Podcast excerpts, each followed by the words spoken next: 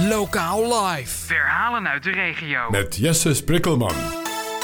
Brummenaar Sjoerd Wagenaar die is een cocktailbar begonnen. Dat heet Hakuna Matata. 2019 begon die en toen kwam daar ineens die coronapandemie. Ik heb hem aan de telefoon. Sjoerd, waarom ben je een mobiele cocktailbar begonnen? Het is eigenlijk een beetje heel spontaan is dat eh, gekomen.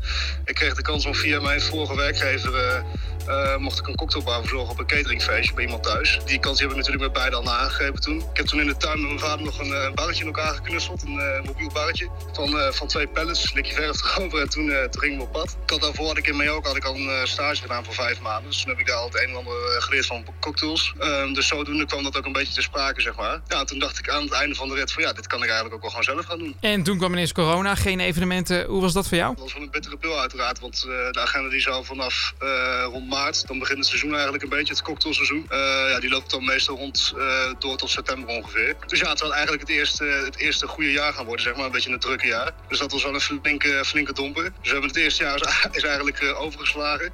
Dus ja, we zitten nu een beetje in het, de helft van het, van het nieuwe seizoen. Nou, je bent natuurlijk een, nieuw bedrijf.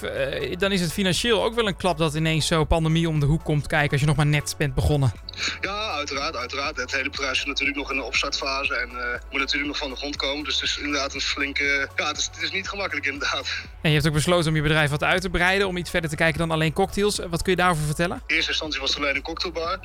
Het is nu inderdaad nieuwe conceptjes heb ik erbij bedacht. Een eh barbecue barretje eerst, ehm, wat smoothie conceptjes, juices. Dus het is gewoon een iets, iets breder concept eigenlijk geworden. Ehm, het mobiele zit er natuurlijk nog steeds aan, daar is het ook door ontstaan. Ehm, dus we komen gewoon naar de mensen toe, we gaan naar de festivals, we gaan naar de foodtruck festivaletjes toe. Dus ja, we zaten zo een beetje te kijken van, joh, het staat nu stil, wat kunnen we doen?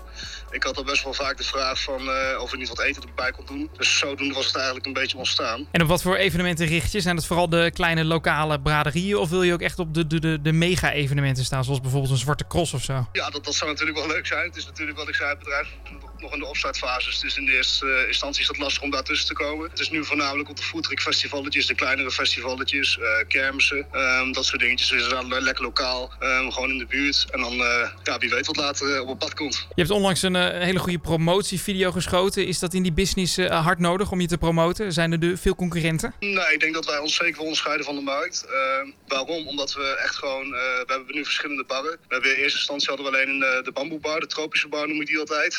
Dus er is nu een nieuwe bar bij, die is echt een beetje industrieus, die iets chiquer is. Die, Ehm, die kunnen we ook echt voor andere dingen inzetten. Die kunnen bijvoorbeeld ook voor een, alleen een gin tonic bar kunnen we die inzetten. Een champagnebar, een wijnbar.